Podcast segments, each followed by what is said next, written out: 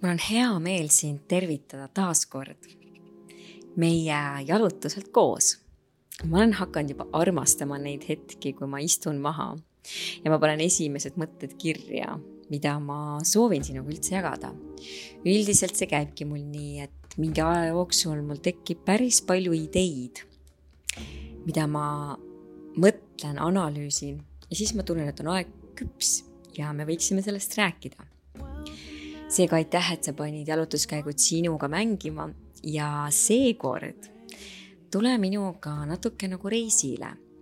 sooja päikese alla, seekord mitte enam lume sisse. ja siis võib-olla on kõige õigem öelda, et tule reisile minuga omaenda südamesse, omaenda kehasse. sest nii ta on, see on üks põnevaim koht, kus ikka ja jälle seigelda ma olen imeilusas kohas ja siin olles tekib paratamatult mul väga palju mõtteid ja tundeid, mida ma ei mäleta, et mul oleks tekkinud, kui ma olen muidu käinud kaugel kas Aasias või idamaades reisimas. aga aeg on muutunud, mina olen muutunud, minu mõtted on teised. ma arvan, et mõned aastad tagasi, kui ma reisisin ja kümme või võib-olla viisteist aastat tagasi, siis ma mõtlesin pidevalt enda väiksele maailmale ja endale ja see on ka normaalne eks mingis vanuses võib-olla see natuke nihkub laiemale maailmale ja filosoofilisemaks ja minul see juhtus, kui minu vanemad kadusid ära. ühest küljest on siin kõige ilusam ja idüllilisem. see on üldse, ma arvan, kõige ilusam koht, kus ma olen kunagi käinud. ja teisest küljest toob see mulle lähemale midagi võib-olla, mida tähendab üldse elada lääne ühiskonnas ja nii toredas kohas nagu Eesti ja, ja võib-olla see toob mulle, meenutab mulle jutte mida mu isa mulle rääkis, kuidas on elada ja ma mõtlen päriselt elada, mitte reisida äh, valge inimesena Indias. nii nagu minu isa ju seda tegi. täna ma räägin teile natukene oma isast ja Indiast ja nendest tun-, nendest tunnetest, mis mind valdab, võib-olla oma juurte suhtes. ja samas ka tänulikkusest, kus ma täna olen või kus ma sündinud olen või mis minu saatus on olnud. ja võib-olla üldse me võiksime kõik näha seda, mis tegelikult meid täna saadab. sageli me upume natukene oma igapäeva väikestesse muredesse ja suurematesse muredesse, mõistan väga, et meie mured ongi väiksed ja suured. ja kes ütleb üldse, et see mure on väikene, kes, kellel on õigus ütelda, et minu mure on suurem kui sinu mure aga vahest minna suuremasse laia maailma ja näha, mis toimub maailmas, siis tuleb tunne, et tegelikult on päris hästi. selle podcast'i salvestamise ajal, praegu just nimelt, olen ma Maldiividel. kuskil, millest ma olin unistanud millegipärast väga kaua ja ma isegi ei tea, miks, aga see on mulle alati kuidagi tundunud justkui mingisuguse ideaalse kohana, kus olla väga armununa. no ja nüüd täpselt nii ongi. ma, me tulime siia mu sünnipäeva puhul kahekesi ja mul on selline tunne, nagu me oleksime mesinatalatel ja me naerame ise ka seda, et me oleme pre-honeymoonil ühest küljest ma täiesti mõistan, et see on täielik klišee, see siin olemine ja siiski siia soovimine. aga ma olen aru saanud, et eks mulle võib-olla mingid klišeed meeldivadki ja veelgi enam, need toimivad minu jaoks. minu David oli alguselt natuke kahtlev siia tuleku osas, sest temal on väga suur seiklusjanu ja, ja tema rääkis mulle samal ajal Bhutanist ja saarest, kus elavad veel pärismaalased oma vibudega. Ja ma isegi ei avanud neid sihtkohti ja ilmselt ta mu näoilmest luges välja, et seda praegu vähemalt ei juhtu. sest võib-olla hetkel ma vajan kõike, mis oleks pigem stabiilne, pigem, mis rahustaks närvisüsteemi nii silmale, kõrvale kui ka tegelikult suhtluse mõttes ma näen, et inimesed siin väga palju suhtlevad omavahel äh,, segunevad, aga see ei ole täna see, mida ma otsin ja võib-olla ma üldse ei otsi seda elus. ma otsin kindlasti põnevaid vestluseid mm, tut-, tutvuseid justkui, aga mu elus on seda piisavalt ja neid võimalusi.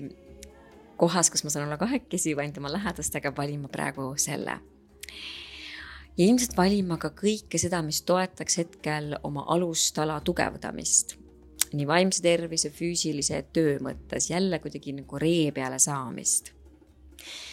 sellepärast, et siin olles on mul selline tunne, nagu mul oli kunagi, kui ma olin noorem, kui ma olin oma vanematega. see on selline terviklik õnnetunne.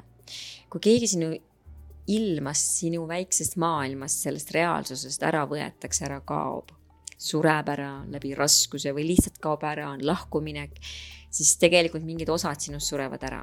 Ja ma olen väga kaua tundnud, et nii kui mul on õnnetunne, siis mul on justkui selline tunne, et see võetakse mult kohe ära, sest mul tuleb nii suur torge südamesse et aga mul ei ole mu ema või ei saa kellega jagada seda, kellega helistada, pilte jagada, rääkida värvikalt kõiki neid lugusid, äh, keda ja mida ma siin näen. kuna ma olen äh, segaperekonnas, siis me ju väga palju räägime rahvustest ja kultuuridest ja minu ema, ema oli väga suur igasuguste kultuuride huviline.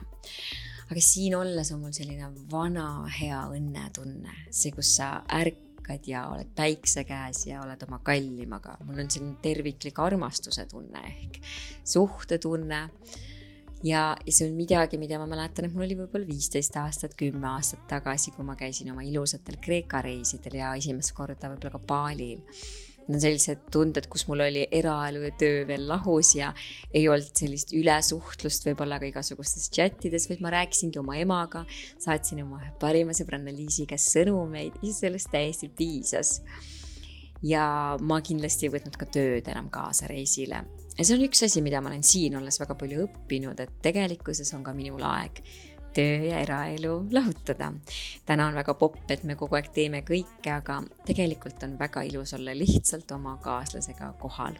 ma ei arva isegi, et äh, mul oleks vaja tööst justkui puhata, sest et tõepoolest ma fännan teid, ma fännan oma vannaterasi, ma fännan nende naiste jõudu ja seda motivatsiooni, seda inspiratsiooni iga päev, mida nad annavad mulle ja mida nad annavad teistele endale.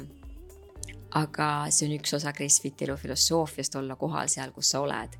ja seda praktiseerida on ainult ilus tegelikult ma tahaks, et igaks ajaks on oma pühendunud aeg, kui ma olen siin, siis ma olen siin ja kui mul tuleb loovus peale, siis loomulikult avan selle päeviku, avan oma trennikava ja teen. aga muidu selline vana hea õnnetunne Neid hetki ei ole mul veel väga palju, aga see aasta ma olen olnud juba tasapisi õnnelik. Nii et hetkel on pigem rütm, kus ma tahan ree peale saada, ree peale saada ka õnnetundega. ja ma arvan, et minu keskkond alati, kuhu ma lähen, võiks olla sportlik ja see on mingine asi, mis meid väga ühendab oma kalli kaaslasega. ma arvan, et see on isegi meie armastuse keel. teate küll seda head raamatut Viis armastuse keelt, ma väga soovitan lugeda seda, kui sa ei ole lugenud. ja lisaks sellele armastuse keelele, ma arvan, on praegu hea, et meil on siin rahulik. Päevarütm on aeglasem üldse, kui ühes minutis sekundeid on. Ja kus saab minna vertikaalselt oma elu ja teema sisse nii nagu Fred Jüssi oma raamatus kirjeldab, vertikaalselt ehk süvitsi elamine, kus ma saan võib-olla nii-öelda ära kaduda tundideks ja seda ma mõtlen rohkem oma mõtete, oma südame sisse. seejärel minna sööma oma kallimaga, arutada tema äh, lektüüri, Gunnar Arma elutarkuste raamatut, mida olen ka mina lugenud ja ma väga soovitan seda lugeda.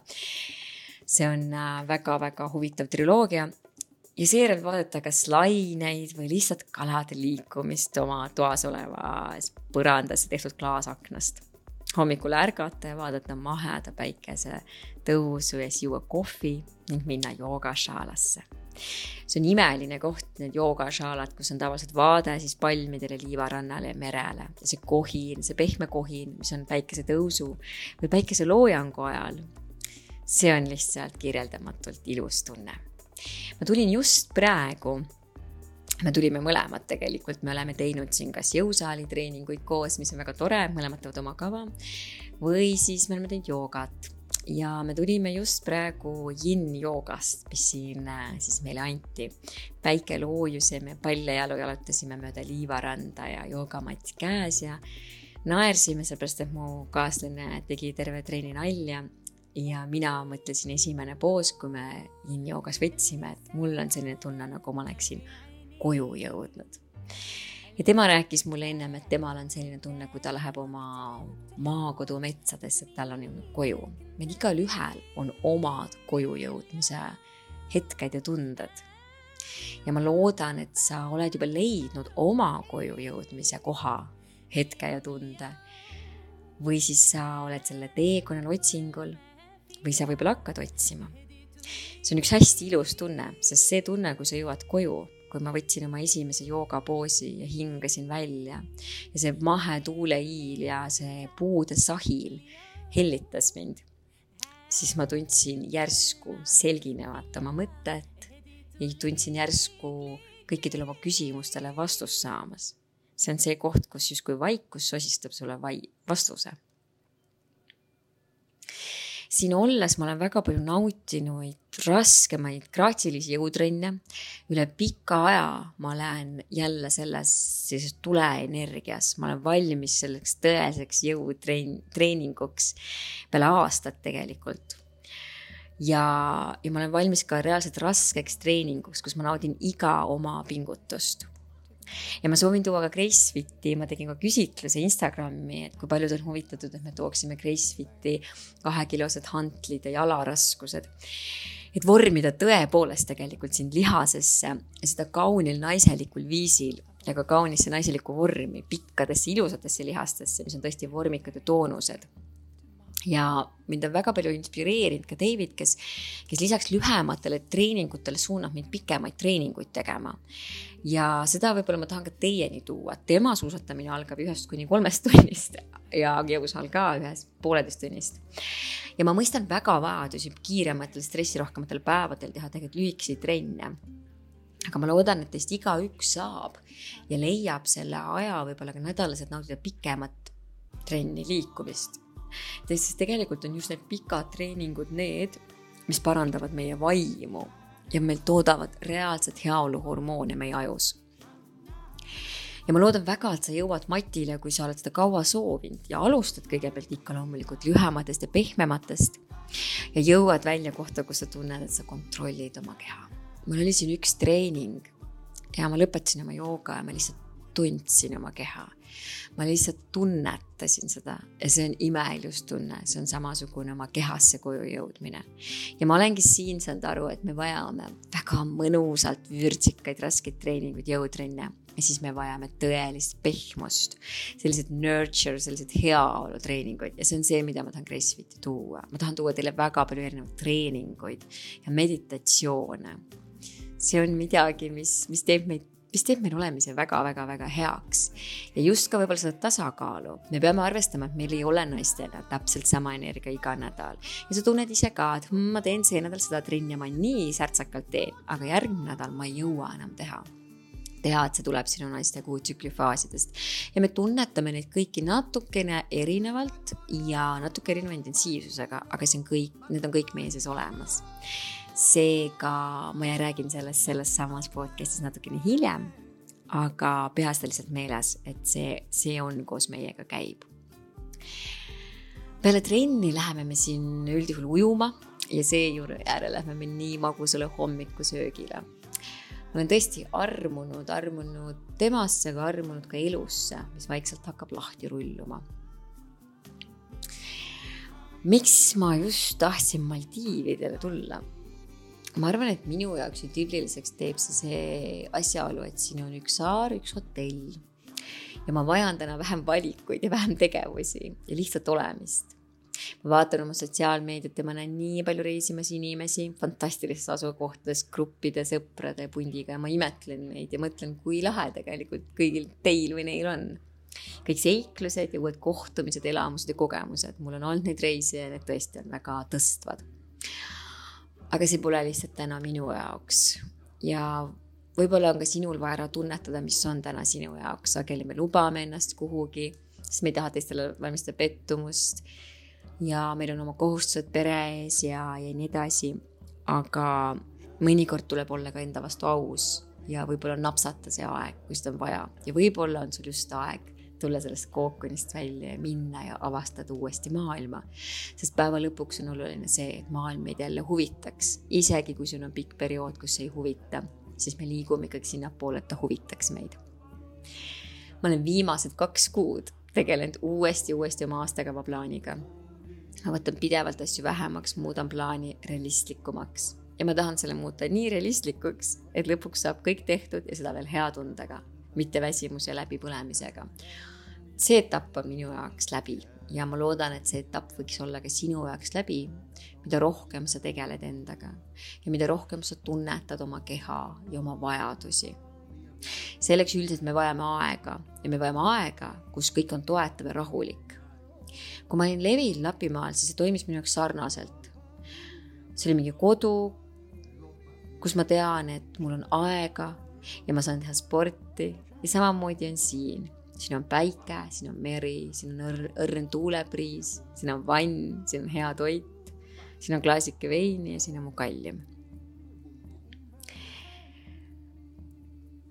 ma teadsin, et kui algab see aasta, see uus minu eluaasta, siis tuleb aeg, mida ma soovisin võtta peale oma ema lahkumist.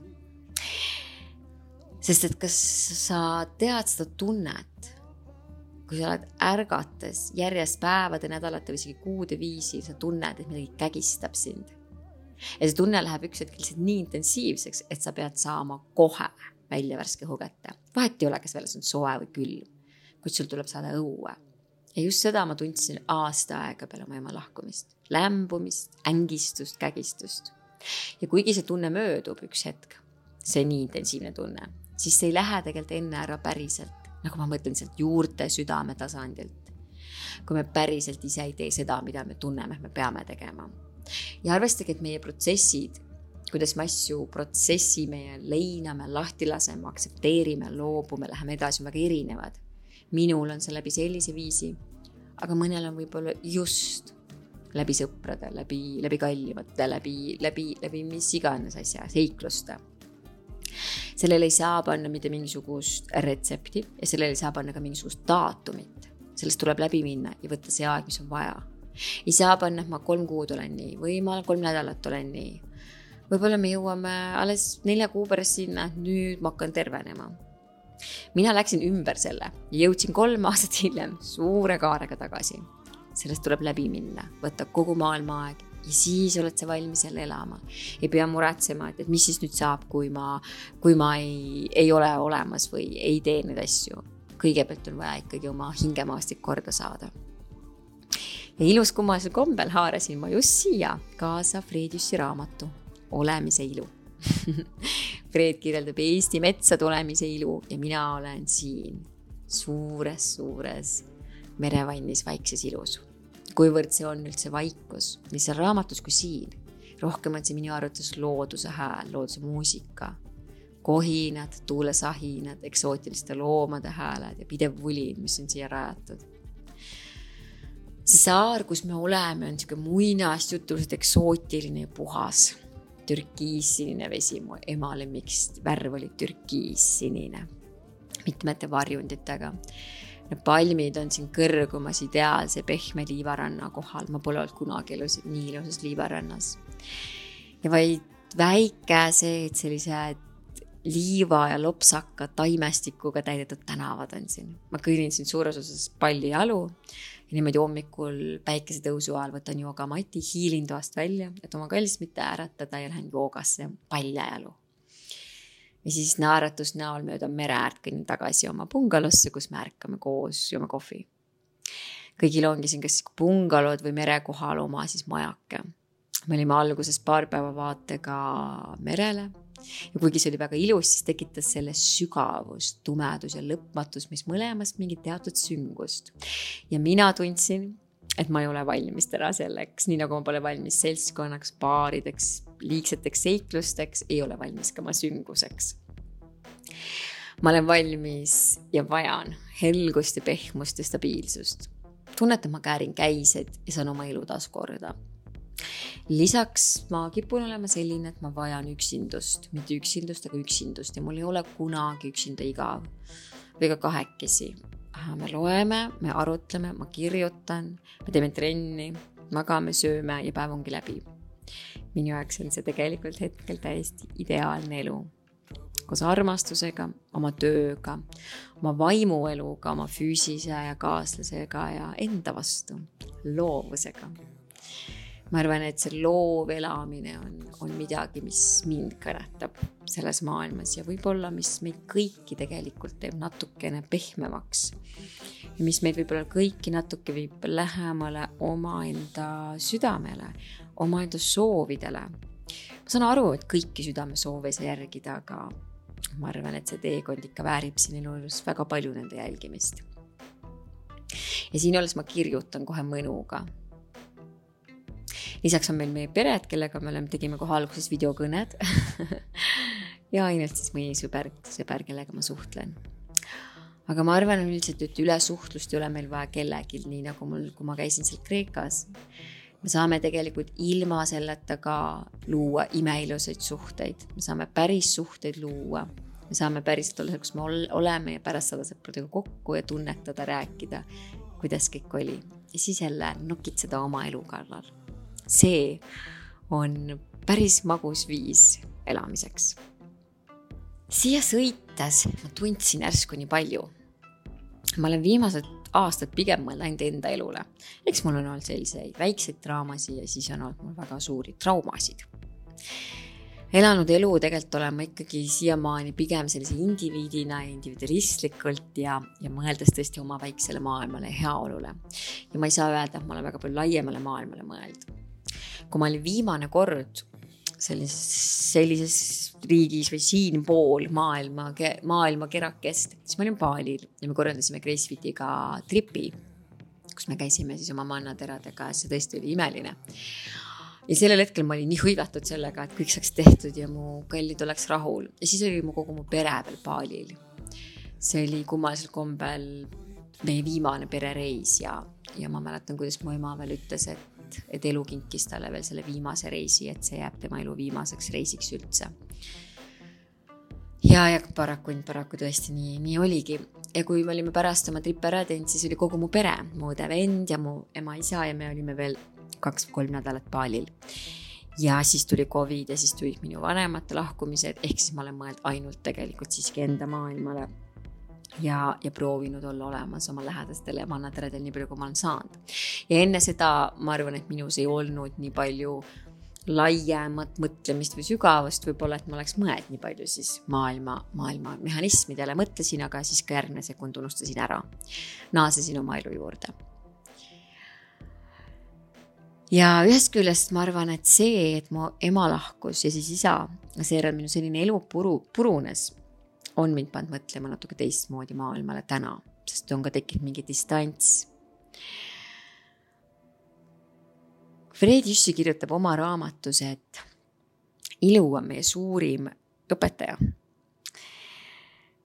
ilu õpetab ja ta kirjutab väga palju oma erakordsest emast.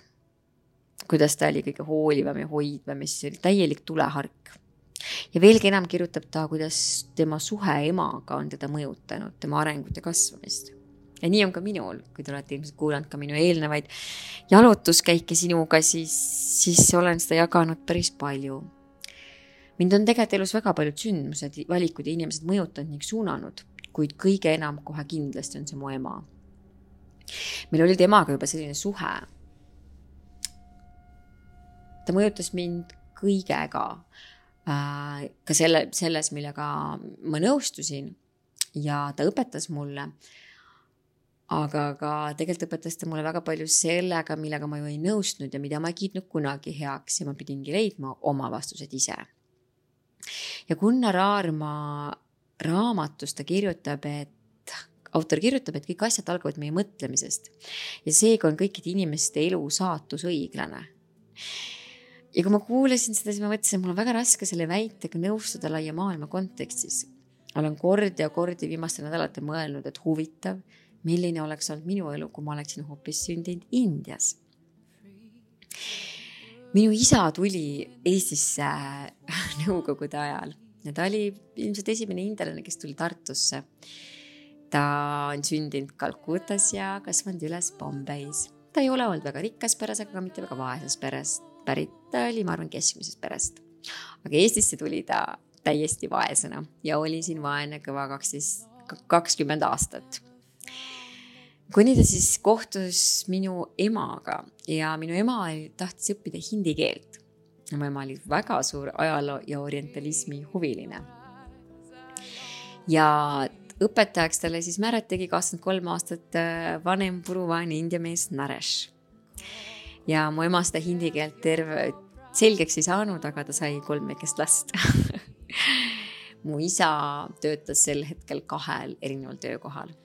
ta oli üle neljakümne, ta õpetas inglise keelt ülikoolis ja ta taimetoitlasena tegi tööd siis lihakombinaadis ja minu isa elu on väga erinev kindlasti see, mis tal oli Indias ja aastatega ta töötas ennast väga ülesse. Ta oli äärmiselt töökas inimene, ta magas, ma arvan, öösel neli-viis tundi ja ta tegi tõesti tööd, tema pea töötas kogu aeg töö kallal. ja ma sain temaga kõige parema kontakti sel hetkel, kui ma hakkasin ise tegema ettevõtlust, sest ta oli hingelt ettevõtja. aga ta elu oli nii värvikas ja nii pikk. ja ta oli Indias ja ta tuli ära Indiast, ta läks seal pankrotti, ta proovis seal mitu korda hakkama saada. Ja siin imekaunis kohas ma olen mõelnud, et kui ebaõiglane on ju tegelikult meie elu ja kui palju on meil tänulik olla. ma mõistan väga hästi, et meie reaalsus ongi teine kui see, kui ma oleksin kasvanud Indias. mu isa ütles, kui me jõudsime Indiasse, esimese asjana nägime me, kuidas keegi käis siis number teise hädas seal lennujaama kõrval, et nii hea on olla tagasi Indias, tõeline India. kui inimesed kerjavad seal, siis ta ütleb, et ei tohi anda neile ja nii edasi. ma olen käinud Indias mitu korda ja mul elab seal minu tädi ja minu tädi lapsed. ja ma pean teile tunnistama, et minu süda murdub lihtsalt seal, sest et seda on minu jaoks nii, nii raske vaadata.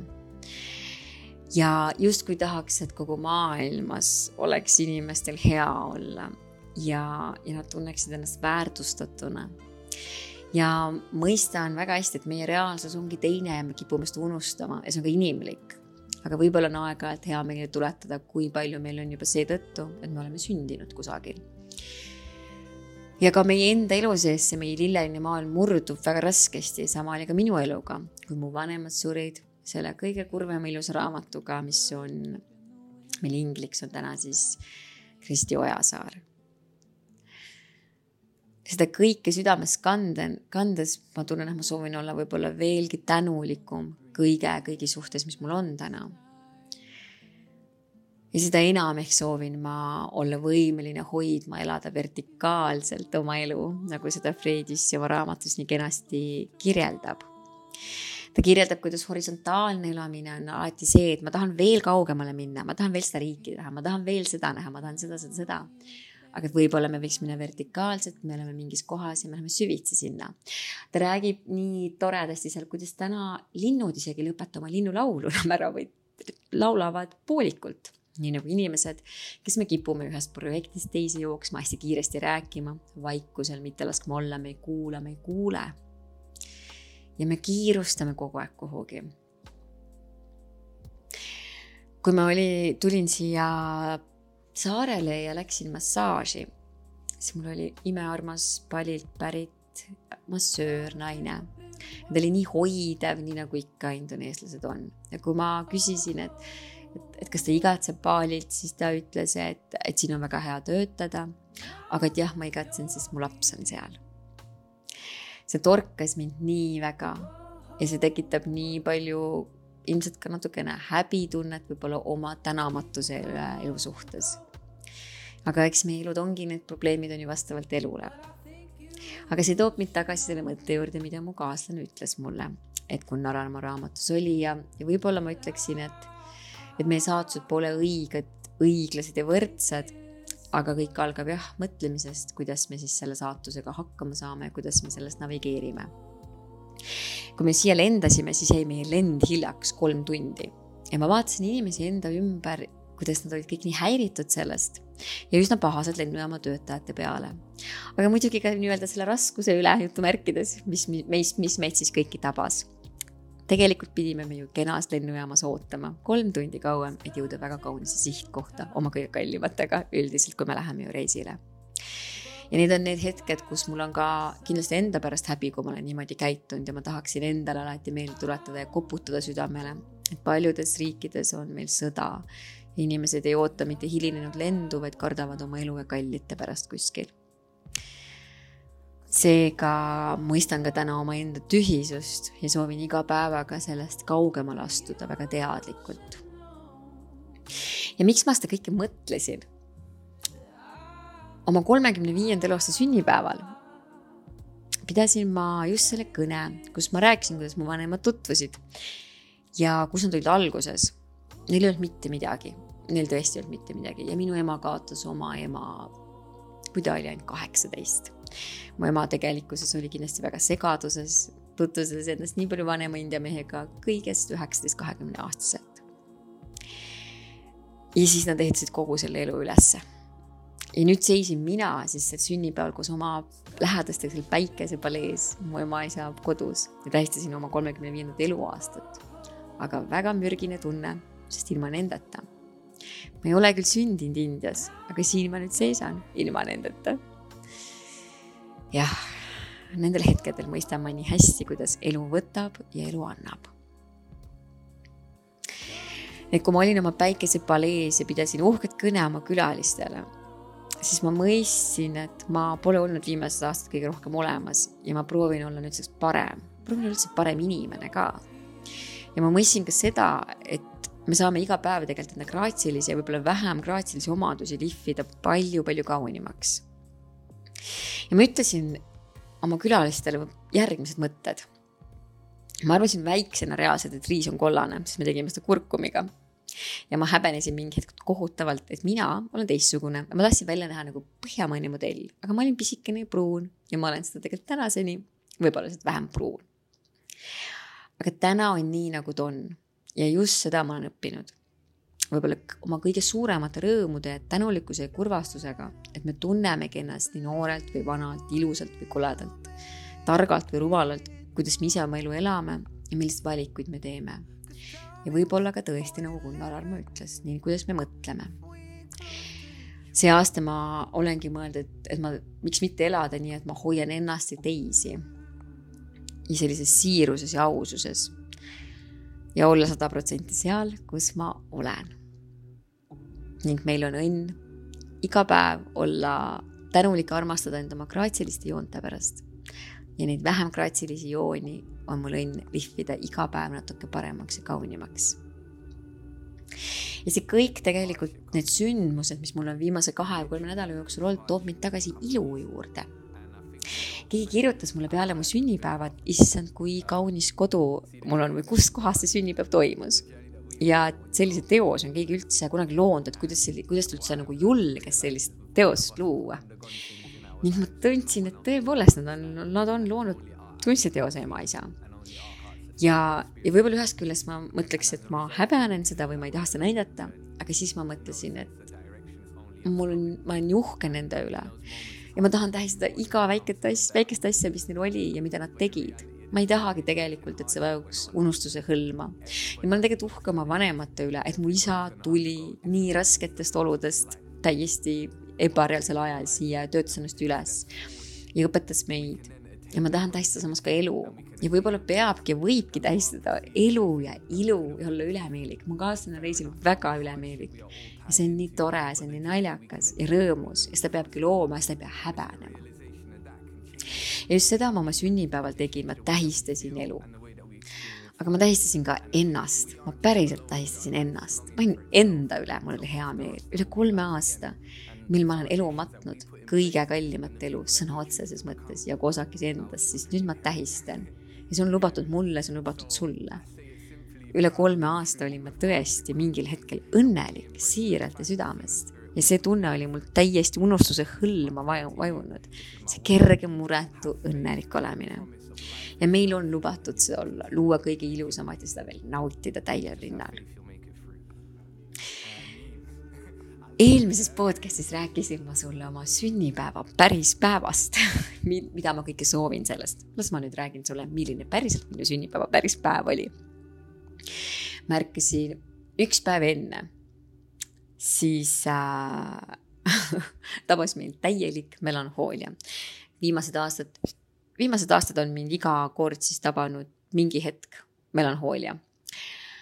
ja kui esimene aasta see tabas mind õigel päeval ja ma ainult nutsin, järgmine aasta ilmselt samamoodi, kas siis sellel hommikul või õhtul, siis seekord tabas mind see üks päev enne. ma tahtsin ära teha üks päev enne sünnipäeva kõik asjad, mis mul olid kuhjunud, mingid kirjad ära saata, kuidagi puhastuda ja kella kümneks õhtul ma lihtsalt hakkasin peegli eest nutma, nii et mu kaaslane oli hirmunud, mis toimub, mis mul on. Õnneks ta läks korraks tooma tekke patju, mis me võtsime oma sünnipäevale kaasa, et inimesi majutada ja ma sain üksinda jääda. ja tead, mu kallis Mannatere, ma ei teadnud, miks ma nutma hakkasin. aga loomulikult on see sellepärast, et ma sünnin ju sellel ajal ja mul ei ole enam neid, kelle, kes mind tegid, kes, kelle laps ma olen. minu perekonnas oli komme, et mu ema-isa helistasid mulle esimesena. me kallistasime ja meil oli väga palju soojust, me kogu aeg kallistasime ja tegime musi. ja siis ma rullisin Mati lahti. jah, ma võtsin oma joogamati, oma kalli joogamati ja ma rullisin ta lahti ja ma nutsin ja ma tegin venitust ja ma tegin joogat ja ma tegin Gracefiti lihtsalt treeningut, mis on selline, mis on kosutav. mis on see treening, kus sa venitad silmad kinni, nutad ja siis tuled pärast ära sealt ja lihtsalt naeratad endale. Kui mu kaaslane tuli tagasi, siis ma olin juba pisarad pühkinud, duši all käinud, teed joonud, palvetanud, küünla pannud.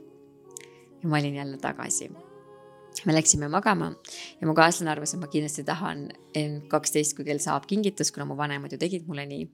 aga ma olin tegelikult sel hetkel nii väsinud, et ma lihtsalt ütlesin, et ma tahan magama jääda. Järgmisel päeval selle asemel, et hommikul ärgata ja päevikut kirjutada ja trenni teha, oli kell üheksa juba kuller mul ukse taga. tõi ähm, lilled minu vennalt, kes kirjutas, et ma olen väärt naine ja ma armastan seda, et ta on mulle väiksest peale öelnud, et ma olen abielukõlbulik ja abieluvääriline naine mu vend on mulle õpetanud väiksest saati, kuidas käituda meestega, mida võib teha, mida mitte, millised naised on äh, abiellumiseks ja nii edasi. et see teeb mulle siiamaani nalja, see on maailma armsam. Siis tuli juba minu armas Age, kes on mu Chris-Viti mannatera ja mu hea sõber. siis helistasid mu kõik kõige lähedasemad ja see aasta oli kuidagi see nii kena, et kõik need, kes on väga lähedased, tõepoolest helistasid mulle. ja siis tulid veel minu kallid sõbrad Laura ja Aigar, kellega me sõime torti ja lõpuks juhtus nii, et meil läks nii kiireks, et ma jõudsin pool lehekülge päevikut kirjutada. me jõudsime teha kakskümmend minutit kiire treeningu ja me ei jõudnud isegi hommikust süüa. Ja siis me sõitsime kaheksa Tartusse ja terve Tartu selle reisi ma rääkisin oma tädi, oma perega ja ma vastasin äh, sõnumitele ja ma tegin veel meie väljakutset. ja siis tegin oma silmad korra lahti ja ma jõudsin Tartusse. Tartus paistis päike nagu kevad. mu sünnipäev ei ole ju kevad. see oli nii ilus, minu lapsepõlve ülikooli linna ja mu kallis parkis auto ajaloomaja ette Lossi tänaval kus ma käisin, õppisin terve bakalaureuse, kus mu ema viis mind autoga iga kord ja tuli järgi ja kus ma hiljem sõitsin ise autoga värisevate kätega ema uhke mersuga. parkisin selle ära kallaku peale ja kogu aeg kartsin, et huvitav, kas ta vajub ikkagi alla ja olin nii õnnelik iga kord, kui ma loengust tulin, et mu auto on veel alles. selle maja ette, see oli nii tore tunne, see Raekoja plats ja kõik see Toomemägi seal. me jalutasime Liidiasse ja siis oli mul see tunne, mu kallis jäi magama ja ma tegin oh,. ma lihtsalt istusin seal. ja ma tundsin tegelikult, et ma olen õnnelik. see päev ei olnud tõepoolest vaikuse päev ja seda peab planeerima teistmoodi. aga mul oli korraks oma hetk. seejärel me läksime Vanemuisesse, sest ma tahtsin minna Vanemuisesse, kuna ma olen Vanemuises esinenud kordi ja kordi tõepoolest minu lapsepõlv möödus seal võimlemise ja kooliga. ja, ja see oli nii tore tunne, see kontsert oli täiesti suvaline, kuhu me läksime, aga lihtsalt see hõng seal. mu ema viis meid väikesena, väikestena sinna, ta oli meid alati nii üles löönud käis alati vaatamas kontserteid ja siis ta seal kontserdisaali tooli peal näitas, noogutas, et väga ilusti läks. see oli maailma hoidvam tunne. ma läksin oma lapsepõlve radadele seejärel me läksime õhtusöögile, jõime oma Dry Martini, meil on kombeks teha üks Dry Martini õhtusöögi eel, kui meil on eriline sündmus ja rääkisime. järgmine päev ma ärkasin ja päike sillerdas ja paistis kaks päeva jaanuaris põhimõtteliselt päike. ja see oli minu sünnipäeva ajal ja pärast seda, kui mul oli ilus uhke pidu, ma pole ammu sünnipäeva pidanud ja ma tegin suure uhke peo ja me läksime koju ja kõik oli nii ilus. päikesepalee sillerdas päikesevalgusest. siin oli tehtud super ilus suur lillepukett. siuksed roosaka kullaga sätendavad bukettlauad olid. pokaalid olid valge ja kullaga, DJ pani asju üles, minu väike õepoeg tegi peomauga ehk peokiisuga tantsu. ja kõik sahistasid ja sättisid mingi hetk oli vaikne ma lihtsalt istusin ja vaatasin oma ema-isa pilte, mis meil on kamina peal. kuidas päike paistis ja ma mõtlesin, et nad oleks väga uhked, et siin majas on nii uhke pidu. meil oli maskidega pidu ja mitte Covidi maskidega. ja ma naersin, et kui veel Bonnie M ka kõlaks või Too Quick Start või Modern Talking, siis mu ema on kindlasti selle peoga väga rahul. ja ma usun, et nad olid rahul, et see maja on jälle elu täis sellepärast, et kui mu vanemad lahkusid siit ilmast, siis minu kõige suurem hirm oli vaikus et see maja, kus me oleme, ei hinga enam mitte kunagi. ma mäletan, kui ma tulin esimesena lastest vahetult enne jõule koju ja kõik asjad olid täpselt nii, nagu mu isa oli need jätnud. isegi mu ema haigusest asjast, asjad olid veel täiesti puutumata ja kõik oli siin nii külm, pime ja kurb siis aga tulid siia minu koju riburada pidi minu saare sõbrad, minu saare lapsed, aitasid mul kõik ära koristada. otsisime üles kuuse ja poisid tõid üles mööbli, meie tüdrukutega panime jõulunõud lauale. lõpuks me nagu filmis ehtisime kõik kuuske ja me tegime korralikult jõuluõhtusöögi ja märkamatult oli see maja täis jälle elu, saginat ja soojust ja naeru. ma olen väga tänulik oma saare sõpradele ja selles majas on olnud mul kunagi üks väga-väga suur pidu, kus ma jooksin mööda neid ilusaid treppe, mis selles majas on ja hõikasin emale oma kleit näpus, et ma olen nii, nii õnnelik. ja selles samas, majas ma olen olnud ju kõige kurvem, kui mu ema ära suri. ja minuga olid sel hetkel ühed sõbrad ja ka sel sünnipäeval ja ka mu vanemate matustel olid minu lapsepõlvesõbrad, kes mul on olnud tänaseks siis juba kakskümmend kaheksa aastat või rohkem isegi, kolmkümmend aastat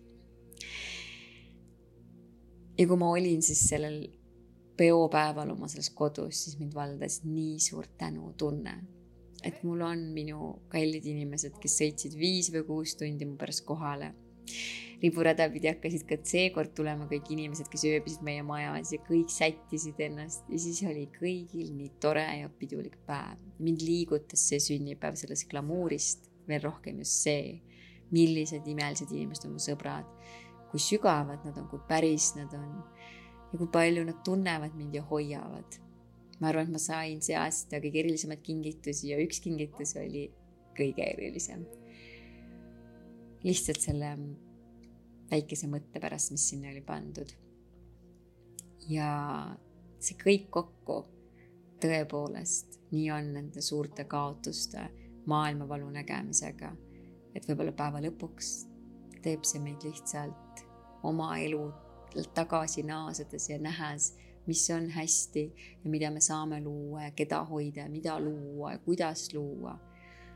võib-olla see teeb meid lihtsalt tänulikuks ja võiks teha meid tänulikuks.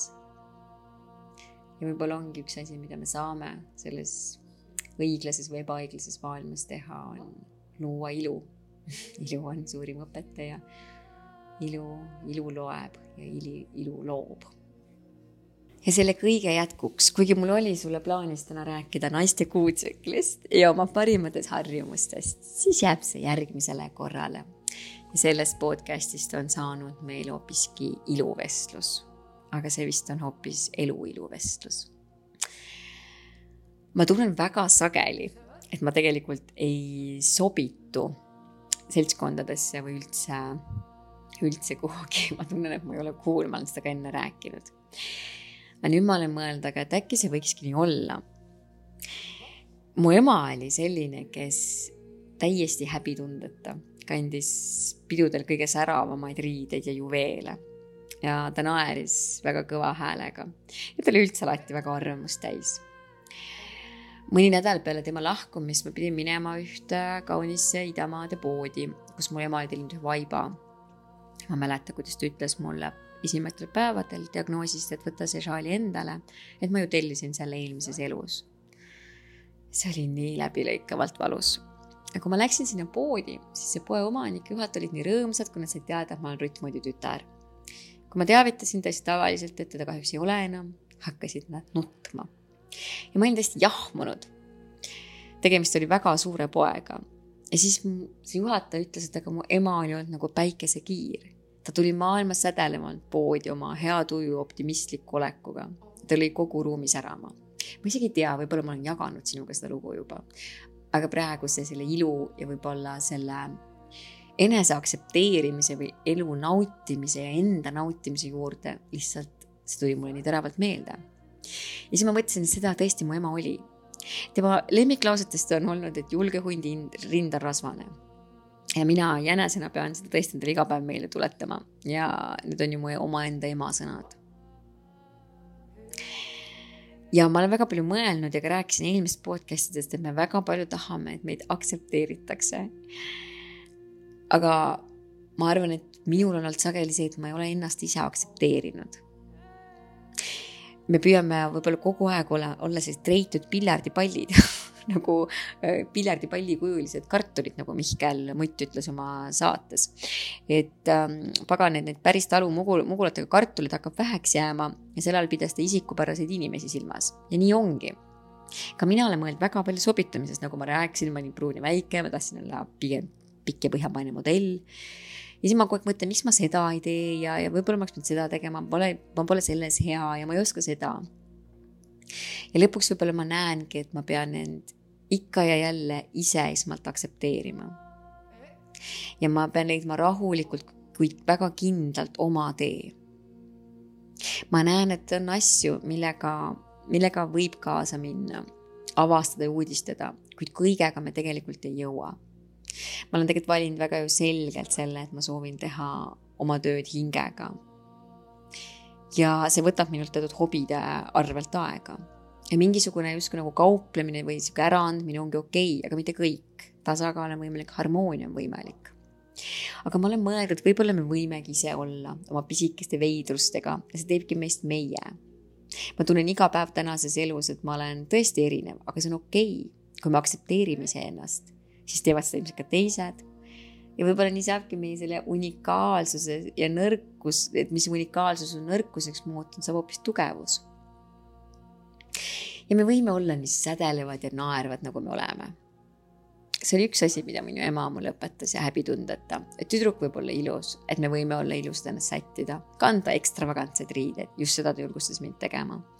erinema, ikkagi tõesti uhke olema kui ma vahepeal tundsin selles osas teatud häbi või tahtsin just sarnaneda teistega, sellise minimalistliku stiiliga olla ja pigem askeetlik, siis täna ma olen jõudnud sinna, kus ma naudin sada protsenti kõike seda kuldakarda sädelist, mida mu ema mulle elu tõi.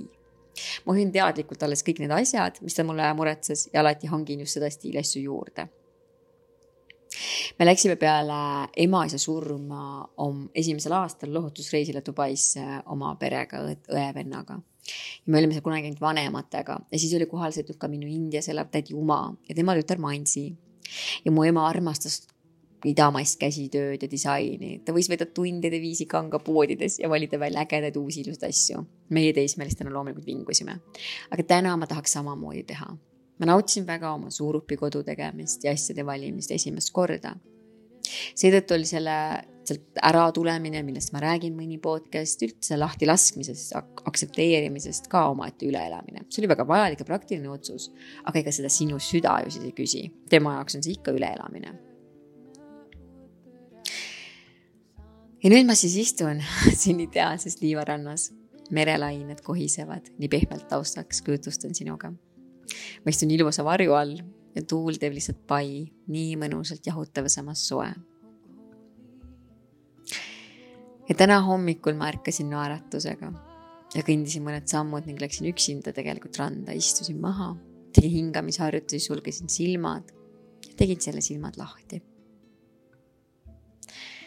see tunne, kui sa tunned oma keha, oma hingamist. sul tuleb järsku mingi selge mõte millegi suhtes. ja see on see tunne, mida ma tahan sulle siit kaasa võtta ja kaasa tuua ja kaasa anda ja võib-olla see tunne, et me võimegi olla nii sädelevad, nii iluloovad ja täpselt sellised, nagu me oleme. võtta vastu see saatus, mis meile siis on antud, on see õiglane või ebaõiglane. ikkagi teha sellest parim võimalik, võimalik elutee, mis me, mis me oskame. täna pärast seda rannas hetke ärkas mu kallis, me läksime ujuma. ma kuivasin äh, päikese käes alasti ära, sest ma alati teen seda, kui mul on võimalik alasti olla, jõime kohvi. ja mina olen hakanud taas lugema siin ja ma rõõmustasin, sest ma loen jälle naiste hormoonidest, et harida ennast ja tuua teieni oma mannaterani mahlast materjali, materjali. täpselt niimoodi sündis tegelikult Chris Fitti naistekuu tsükli programm. nii et ma olin õnnelik, ma ärkasin hommikul ja ma hakkasin lugema. ja see hetk, kui ma täna ära tabasin seda, ma teen seda taas, see oli märgiline. võib-olla on ka sinul mingid hetked, kuhu sa tahad uuesti jõuda või mis on sinu jaoks justkui maamärgid, et sa oled jälle paremas kohas. sa oled jälle terve, sa oled jälle inspireeritud ja see oli ilusal noodil, et ma taas loen naiste hormoonidest ja mul on palju põnevat materjali, mida teiega jagada. Lõpetame me tänase vestluse, tänase jalutuskäigu. minu enda uue aasta soov on iga kuu tuua sinuni nüüd üks jalutuskäik. Ja ma loodan, et me räägime naistekuu tsüklist väga sobival ajal ehk märtsis naistekuul ja selles järgmises podcast'is tahan ma jagada ka sinuga oma harjumusi, millest ma olen aru saanud ei ole vahet, kas me oleme maailma ilusamas kultuurilinnas Pariisis või ma olen siin Maldiividel. Enda hea enesetunne tuleb enda seest omaenda rituaalidest, rutiinist, harjumustest ja enesetundmisest. ja kõik muu ümbritsev toetab ja tõstab seda. just nendest harjumustest ja naistekuu tsüklist, kui palju see on mu elu muutnud, kui palju see on naiste elusid muutnud, kes on seda Gracefit'is ka nüüd tundnud ja kui palju see mõjutab liikumist ja seda pehmust ja hellust ja seda tuleenergiat. duaalsus toob meie ellu, seda ma jagan sinuga järgmises podcast'is põhjalikult ja korralikult tea lihtsalt seda, et sul ongi erinevad tunded, erinevad etapid elus. ja me peame läbi nende lainetama, läbi nende surfama, läbi nende liuglema, võitlema, kaotama ja siis jälle tuleme justkui veepinnale.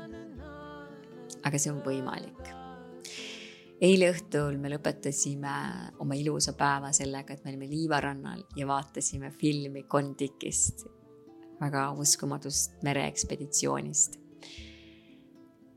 ja see oli nii helge ja see oli nii lootustandev ja seal tähistaeva ja kuude all mõtlesin ma, et, et usk ja lootus on alles ja kui see vahepeal ka kaob, siis tuleb anda aega ja see taas üles otsida ja see tõepoolest algab meist endast, meie enda mõtlemisest. aitäh, et sa olid minuga mu kallis kuulaja ja järgmise jutustamiseni